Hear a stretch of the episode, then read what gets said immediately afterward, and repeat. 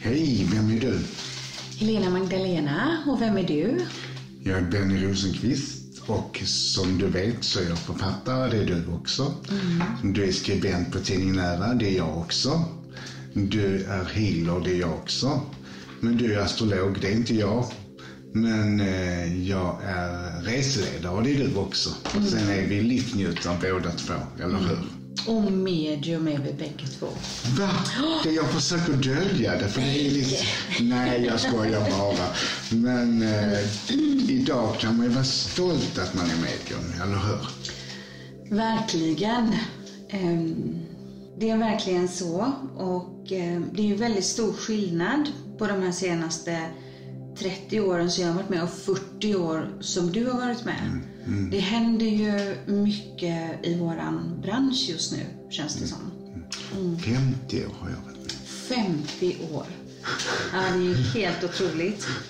Då var jag fem. Eh, ja, det är väldigt, väldigt lång tid. Mm. Eh, som, som just det här att vara verksam. För vi har ju varit mediala sedan vi var små. Mm. Ehm, och det är ju underbara gåvor. Att kunna, att kunna vara medium, att kunna hjälpa människor på ett sådant sätt som vi, som vi gör. Mm. Mm. Det är ett kall och en gåva. Mm. Alltså det förpliktar väldigt mycket också att vara medial. Och förr var det inte lätt att vara medial för man hade ju mycket motstånd till det och det har man ju fortfarande. För jag tycker på ett sätt att det är enklare men sen bör det också bli lite vassare med de som är skeptiska. De är hårdare också mot oss och mm. är vassa i sin attityd mot oss som är andligt intresserade och som är mediala. Ja, absolut, visst är det så. Och det känns ju också som att det är de, de senare åren har blivit en mer tydlig profession också att vara medium. Vi ser ju mm. Mediumförbundet som är startat av eldsjälar till exempel. Att, att vi som arbetar med det här, så som vi gör på heltid, det är verkligen vår profession. Vi jobbar, vi hjälper många människor. Eh, Medan det också tyvärr kanske finns människor som inte är, som inte är så seriösa och inte tar det riktigt på det allvaret som vi gör. Så jag hoppas att det kommer att hända ännu mer liksom för professionen att vara medium. Att det tas på större, större allvar. Mm. Men i alla yrken, vi får ofta höra på de som är oseriösa. Men om vi tänker läkare så finns det de som är oseriösa. Advokater så finns det de som är oseriösa. Mm. Och i alla yrken så finns det någon som brinner för det de gör. Mm. Och vi får ju visa hur det kan vara. Men man, sen ska vi vara glada att det finns människor som är på utveckling också. Mm. Och inse att det behövs olika typer av människor i vårt skrå också, faktiskt. Ja, precis. Eh, och eh, det här också att man, när man vill gå till ett medium, att man också väljer med omsorg, känner intuitivt att det är den här personen jag ska, jag ska träffa, det är den här personen som jag söker. Mm. För våra ord väger väldigt, väldigt tungt när man går till ett medium. Jag minns ju, jag var ju ung när jag gick till mina första medium. Mm. Jag kommer ihåg deras ord ordagrant fortfarande som de sa till mig när jag var i 20-årsåldern. För orden, orden väger tungt och man har med sig våra ord. Liksom. De har verkligen en, en betydelse. Så det är viktigt att man kommer till en person där det känns sant och rätt. Mm. Men vi är ju så med vissa, de vänder ju på saker som de får höra också till sin fördel. Och sen, så, så vissa människor är faktiskt så som man kan säga saker till dem och sen tolkar de det på ett helt annat sätt som de vill tolka det också. Så därför är det också viktigt att man är extra tydlig när man säger och hur man säger det. Så det verkligen går in så man uppfattar att människor förstår vad man säger. Det är så. Jag pratade med, med en klient igår Mm. Eh, vi har pratats vid i många, många år. Hon är en av mina stamkunder. Och vi kom in just på det här för jag brukar beskriva det, men det var hon som beskrev för mig. För hon sa, ja, vi pratades vid för ett par år sedan och då sa du detta och detta och detta. Och då tänkte hon, att jag skulle ha fel. För hon gjorde en tolkning av de orden i den situationen hon befann sig då. Och det är ju det vi gör. Eh, Men om man liksom lyssnar rent, för hon förstod ju sen när saker och ting hade hänt, vad det egentligen var jag sa. Och det är ju så vi alla gör eh, när vi går till ett medium. Vi tolkar det mediumet säger utifrån situationen som är nu. Och då kan vi också färga den lite grann. Och vi kan också färga orden utifrån det vi vill höra. Och det kan också vara som så, så har jag varit, att jag har varit hos medium och jag har inte lyssnat. Och jag har inte heller gjort som de har sagt. Och sen har jag stått där med skägget i brevlådan. För jag ville inte lyssna. Jag ville inte ta till mig riktigt de orden som var. Och det var, det var en lärdom för mig. När man får så värdefull information och sen lite som Pippi Långstrump, jag får göra som jag vill minsann. Ja, fast man får ju ta konsekvenserna då.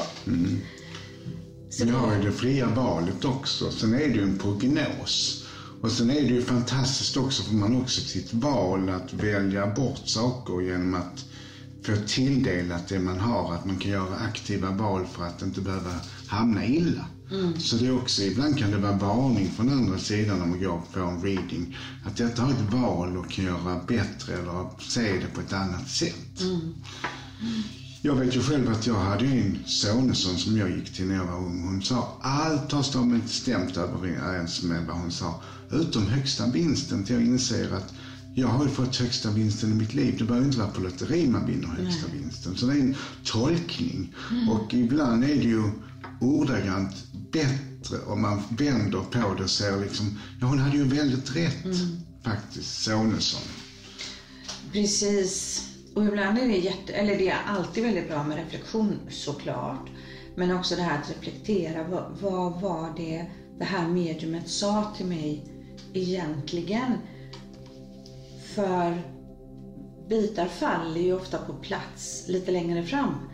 Om någon pratar med oss idag så om tre månader så kanske den personen verkligen kan se att saker och ting börjar hända. Ibland kan det ta flera år innan det händer. Och sen att det händer. Jag har en kund som det tog 23 år innan han träffade rätt kvinna som jag hade beskrivit. Ja. Han sa jag hade inte stått ut om jag hade, hade sagt att det skulle ta 23 år men han är ju jättelycklig nu och har fått den här dottern som han blev sagt att han skulle få. Vad fint. Ja, det kan ta tid. Och sen är det ju också viktigt, vikten av att leva här och nu. Och att ta tillvara på livet så som det är här och nu. Också i mediala samtal att om man får höra då till exempel att man ska träffa kärleken. Och då kan det ju vara som så att vi som medium, jag upplever, jag får prata för mig då, jag kan se den här personen som kommer att vara väldigt viktig, väldigt avgörande. Men det kan ju också komma andra personer på vägen som alla är liksom en pusselbit i livets pussel på något sätt. Och att man tar tillvara på det. Eh, och Yngre människor upplever jag, de har en eh, tendens att fråga, det gjorde jag med, är detta mannen i mitt liv? När man är 18 år. Eh, och jag tittar aldrig på hur länge en relation ska vara för vi ska leva här och nu. Vi ska ge och få så mycket kärlek som vi får här och nu. För vet vi hela tiden facit, då är vi ju redan på väg liksom in i nästa. Så jag, jag svarar aldrig på den frågan. Mm. Eh, jag säger det att en kärlek kan ju inte vara en färg i hela pusslet. Utan olika människor fyller olika funktioner som leder till en ny relation. Som jag tittar på den typen av partner jag hade när jag var ung. Som jag nu så är det ju en utveckling. Så jag, jag har ju en annan typ av partner. När man är yngre så är utseendet också på den man träffar väldigt viktigt. Och hur den beter sig. Och idag kan man ha överseende med vissa saker men utseendet är inte det viktigaste. Attraktion, ja. Men det ska ju finnas att personligheten är viktigare. Att den har godhet och att man stämmer överens. Och att man kemin stämmer. Sånt är viktigare idag när man var yngre. Men jag har ju träffat många människor som har gjort att jag är där jag är. Så en människa kan ju inte heller uppfylla allt som jag behöver. Jag har ju vänner som också är kärlekar. Jag har en hund som är kärlek. Jag har eh, arbetskamrater som är kärlek. Jag har ju många, kärlek är så mycket mer än bara en partner. Mm. Ja, det är verkligen så. Och varje person är en sån viktig del i livspusslet. Och det ser ju oftast ut så idag. Det är ju, det är ju få som träffar kärleken i ung ålder och håller ihop resten av livet. De finns. Men det är ju inte så många utan det är ju det här att vi utvecklas, vi går vidare, vi möter, vi möter en ny människa. Och det är också härligt att vi faktiskt har den friheten och möjligheten att kunna leva så. Mm. Det var ingen självklarhet för hundra år sedan. De säger det idag. Jag har läst en bok en gång, en amerikansk forskare som sa att den första kan vi skaffa barn med. Mm. Den andra lär vi känna oss med. Vem vi är. Den tredje lever vi med, för då vet vi vem vi är. Mm, fint. Mm, det är sant. Ja, det är Att vi, har, vi har tre viktiga relationer, sen har vi korta relationer. Mm. Men jag kan tycka någonstans att ibland har jag lärt mig mer av en kort relation än en lång relation. För i intensiteten och känsligheten så kan det hända jättemycket. Jag hade själv en kort relation i våras som öppnade mitt hjärta faktiskt. För att våga älska mer. Så att jag är ju väldigt ledsen att tog slut. Men jag förstår i när jag ser backspegeln att det var meningen. Mm. Så att jag tror att de tre månaderna utvecklar mig till att våga älska igen. Ja, fint. Det är jättefint. Ja, vi blir ju också, när vi blir lite äldre, så blir vi också mer vi blir, vi blir mer coola i relationen på något sätt. För varje relation ju också en rädsla för separation. Så när man är ung så är man ju så rädd att det ska ta slut på något sätt. Och tar det slut så går ju hela världen under. Men vi lär oss ju med åren och vi kan då uppskatta också på ett annat sätt att ta tillvara på kärleken och attraktionen när den finns där. Utan att den måste vara för evigt. Och det tycker jag är så fint. Jag har en kompis pappa. Han har träffat sin nya kärlek nu på hemmet. Han är 90 år nu när vi är på kryssningen fyller han 90 år i oktober. Och han har träffat Maj-Lis. Och eh, Walter och Maj-Lis de är tillsammans på ålderdomshemmet och håller hand och äter tillsammans och går promenader runt huset. Och det blir inte så långa promenader längre. Och så får de en puss och en klapp utav varandra. Och jag tycker det är så vackert. Walter han har förlorat sin son i cancer, han har förlorat sin dotter i cancer, han har förlorat sin fru i cancer. Så nu var han ensam, nu har han bara barnbarn kvar. Men Walter han är alltså kär på nytt. Så jag sa det att den sista kärleken vet vi inte, den kanske är den största och det kanske vi på ålderdomshemmet så träffar vi den. Eller hur? Ja, men det är helt underbart. Det är helt, det är helt fantastiskt. För det är ju så när man går till medium att kärlek är ju en, alltid en springande punkt i väldigt många. Och sen så kan det ju komma några som säger jag vill, jag vill inte veta någonting om min relation. Jag vill liksom prata om andra delar i mitt liv. För man vill inte ha det här facitet utan man vill bara få låta som det och så vill man ha vägledning på Annat. på annat istället. Eh, Och det är också så faktiskt som man kan få, få välja lite när man går till oss som medium också. Att det här vill jag inte veta någonting om. Men det här kan vi prata om. Ja, Men kärleken är ju den stora läromästaren. Och det viktiga är ju någonstans att man börjar tycka om sig själv. Och den största kärleken måste vara till dig själv och det är den, den kan man bli förälskad i emellanåt och tycka man är fantastisk och då mår man väldigt bra. Och ofta när man, när, man vill, när man träffar någon så är det när man inte vill träffa någon. Utan man känner att nu har det så bra så nu behöver jag inte träffa någon. Och det är då man träffar någon. ja, jag tror att vi har liksom så här på vår livsplan att vissa människor står där och väntar. Och vi kan ju börja känna av på ett själsligt plan att någon är på väg och det kan ju också föda den här längtan och, och man kan känna, nej men kommer aldrig den här människan nu? Då har jag väntat så länge. För man känner på något sätt, på ett själsligt plan så har man redan börjat connecta. Eh, Men sen när man bestämmer sig, nej men jag struntar i det här nu, jag tänker inte träffa någon minsann. Jag har det jättebra själv och jag tänker bo med min hund och nu, då, då träder den här kärleken in i ens, Precis. in i ens väg. Ja, men det är väldigt, det är väldigt utvecklande såklart med, med relationer, men också mycket annat i livet som, som utvecklar oss. Och det som vi också märker, det är ju det här med andligheten ökar ju väldigt mycket nu. Sökandet och självet och varandet. Det är ju ett jättestort intresse för allt inom det andliga nu. Som vi, som inte heller var då för många, många år sedan. Det fanns ett intresse men det var, det var hemligt, det var lite hysch Men nu är det ju också så väldigt öppet att man är intresserade och tidigare liv är också en sån här sak som människor har blivit mycket mer intresserade av. Själsfränder, tvillingsjälar, har vi mötts förut och hur vi kan mötas i detta livet och utvecklas tillsammans igen. Astrologin har ju också ett uppsving igen. Astrologi är trendigt sådär med jämna mellanrum.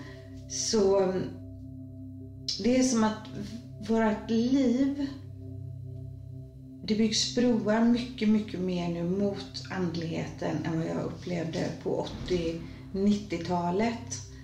Känner du så också? Jag kan inte säga att 90-talet tycker jag att det hände mycket. Alltså jag kan säga för då, när jag började till min klienter så var det ju 70-tal. Och då var det hysch och det var lite mystiskt och det var svårt. Men 90-talet det exploderade också. Det var då jag började få fira fulla listor med folk som började komma och det var alla möjliga människor som kom. Så då, hade jag, då började jag få ett års väntetid på sittningar. Så jag hade extremt mycket att göra och har alltid haft det. Men eh, då exploderade Men sen kan jag tycka att den har kommit i en annan form. Så media tar in det och film görs om detta och det pratas om det på ett annat sätt. Och det okända fanns ju inte då. Så det har också öppnat väldigt mycket i Sverige. Program som det okända och att de tar upp det i andra tv-program och morgonsoffor tar upp detta här om, om eh, andlighet och media, medialitet. Ja, precis. Jo, men det, det var ju där i början på 90-talet. Och det kunde man också se i astrologin då. Också att de barnen som föddes där, det är också de som är väldigt högkänsliga, väldigt mediala barn. Lätta, ljusa själar. Eh, och då kom ju de här mässorna och sådär. Jag bodde ju i Småland, jag bodde ju i Vetlanda i bibelbältet. Så det såg ju lite annorlunda ut där men det möjliggjordes på ett helt annat, helt annat sätt. Ehm, och nu så ser man då att de här broarna börjar byggas. Jag var med i en tidningsartikel för några veckor sedan. Göteborgs-Posten. Och ehm, de kontaktade mig för några år sedan och ville komma ut på en andlig kurs på The Lighthouse Onsala. Och jag fick ju liksom fundera lite grann på det där. Ska de bara hänga ut att det vi gör är flummigt och konstigt eller kommer de verkligen att göra någonting bra av den här artikeln?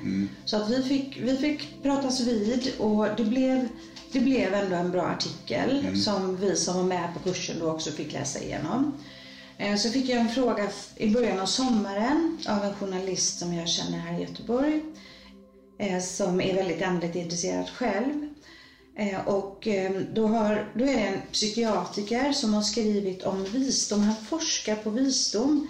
Kan vi bli visare? Kan vi lära oss visdom? Kan vi utvecklas som människor? Eh, Så hon frågade om jag ville vara med som medium då. Eh, Och jag tackade ja till den här artikeln och gav liksom, ja, det här sökandet, andligheten och sådär som jag upplevt i mitt liv. Och rubriken på den här artikeln, jag tycker den är helt underbar. Psykiatriker och medium överens. Vi kan alla bli visare.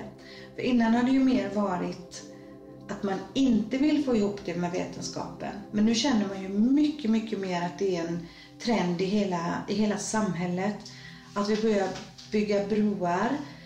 Det finns medyoga på vårdcentralen, bara en sån sak. Det var ju helt, det var ju helt omöjligt för inte alls länge sedan. Andningsövningar, mindfulness som kommer väldigt, väldigt starkt nu. Eh, och vi var ju på en underbart spännande föreläsning i tisdags. Mm, vi var där. Mm. Var var vi? Jag vet inte, du får säga det. För det är du som vill se honom mest.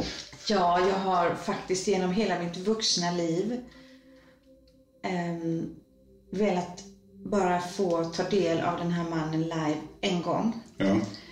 För jag var ung, vilsen själ, strax över 20, väldigt andlig, väldigt spirituell och hade bott utomlands och jag var helt lost. Eh, min hälsa var... Jag mådde inte alls bra i kroppen, jag hade mycket allergier. Och jag visste faktiskt inte riktigt vad jag skulle göra. Mm. Och då hittade jag en bok som heter Livets sju andliga lagar med Deepak Chopra. Mm. Och jag bara drunknade i hans ord.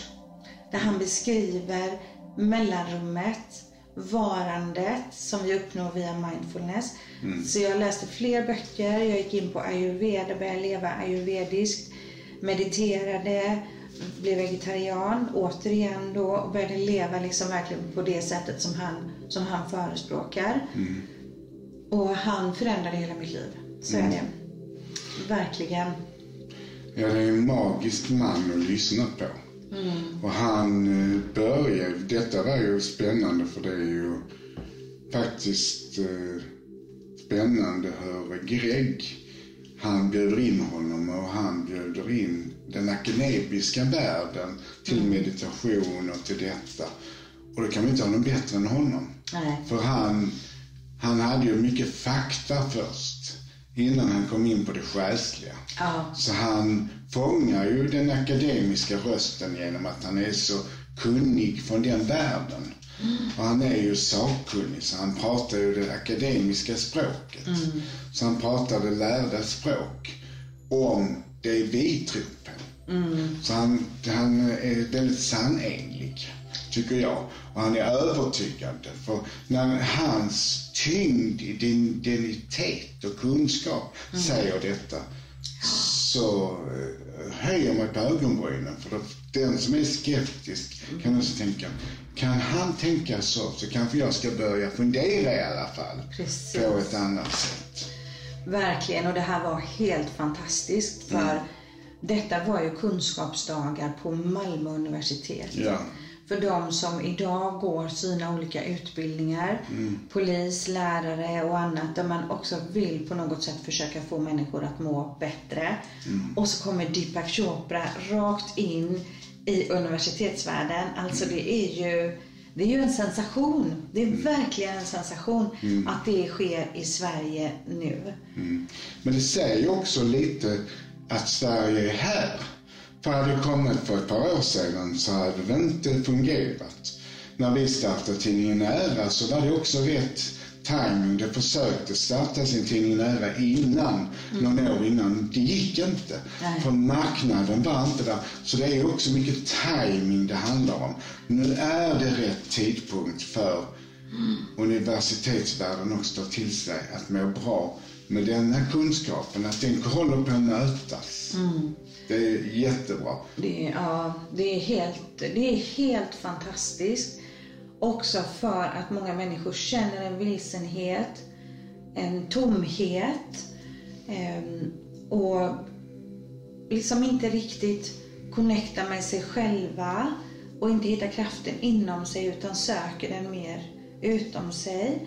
Och han tryckte ju verkligen på det här med mindfulness. Mm. Att leva här och nu, att leva i det uppvaknade själsliga tillståndet. Mm. Och han tryckte verkligen på det här också med hur vi själva påverkar vår hälsa, mm. vårt mående.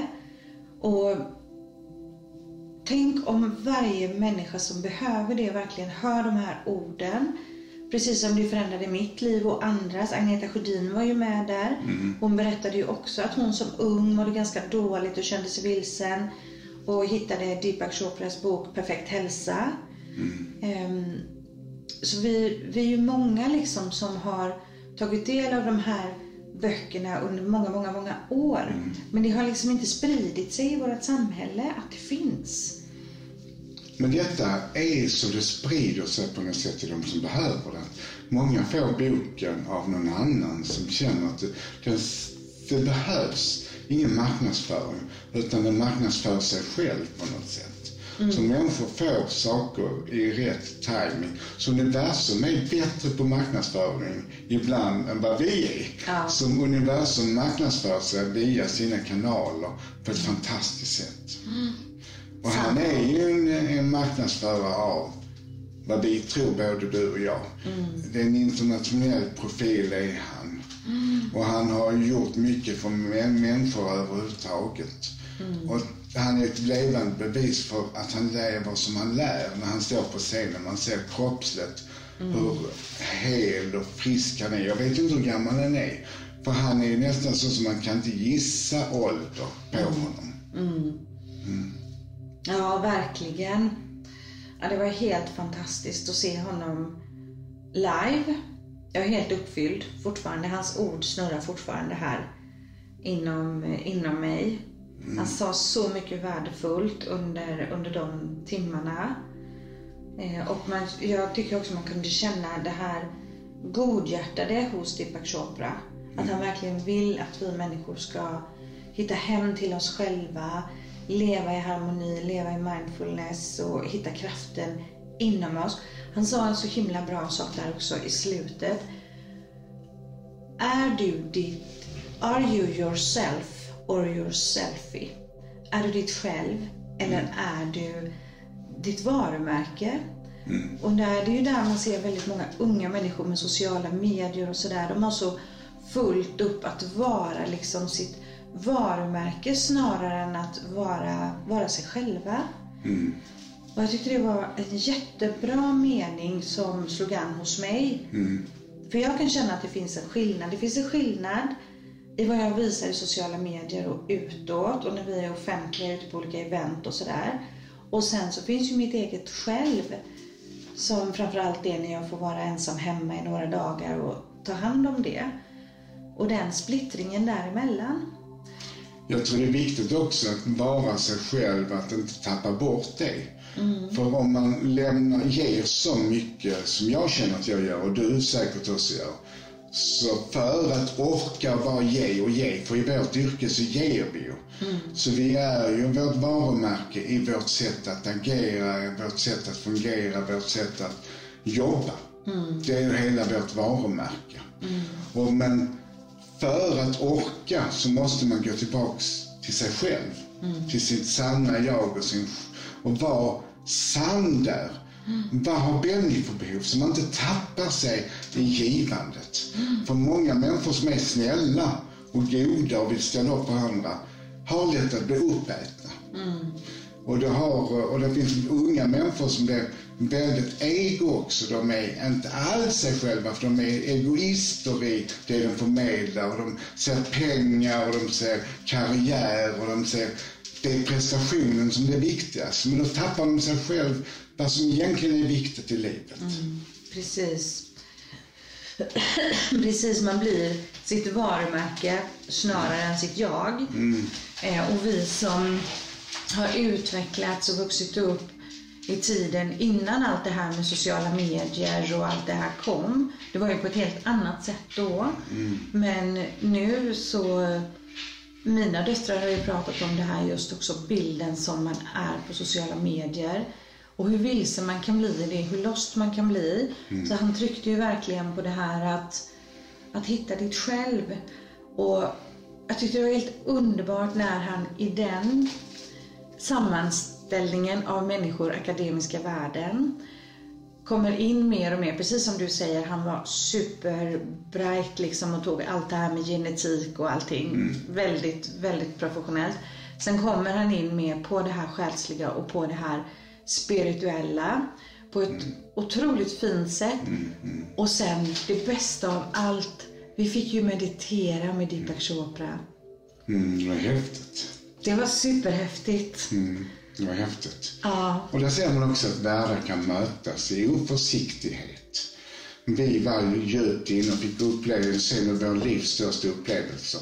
Sen är det en människa som verkligen var i sitt ego. Hon skulle, det kanske var fem minuter kvar. Mm. När vi satt och mediterade, då på en trång där hon var tvungen till stöta till alla spen. Och då känner man någonstans egoismen talar. Och då tänkte hon, har hon inte lyssnat på föredraget? Nej. Vad har hon fått ut av det? Hon bara lämnar, alltså, när det nästan är slut. Ja, det, är, det är så tråkigt. Det hade varit att hon gått bakvägen, gått bakom, men hon skulle gå förbi alla, där allas fötter var i avslappning. Nej, det Så var, det var tråkigt så... alltså. Det var så tråkigt tycker jag. Ja, det var verkligen dålig timing. Mm, det var det.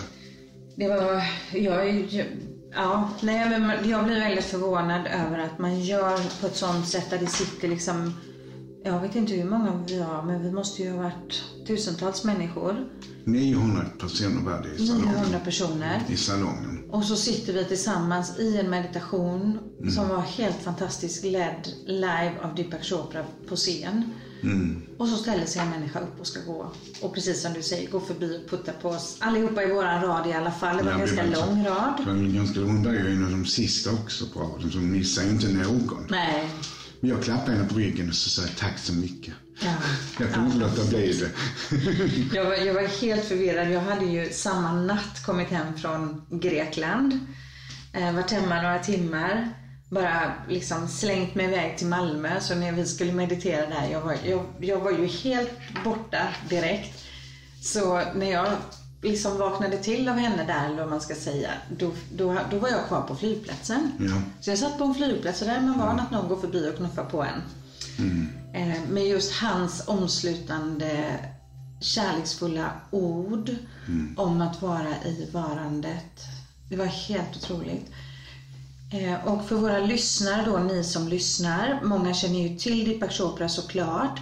Han har också jättefina meditationer på Spotify och på Youtube om det är någon nu som känner att åh, jag vill också meditera med Deepak Chopra. Han har även bitar på föreläsningar på Youtube som är fantastiska att titta på. Så jag rekommenderar också att se honom för det är ju känna energin. Han är ju väldigt närvarande när han föreläser. Så en, gör det och få lite av vår upplevelse. Och han har ju en enorm bredd i sina föreläsningar. Så lyssna, ta till er och väx som själ. Fint, och då avrundar vi med de orden. Så... Nej! Jo. Nej, nej, nej, nej, nej. Ja, vi pratar länge idag. Nej, vi, vi fortsätter på nästa vecka istället.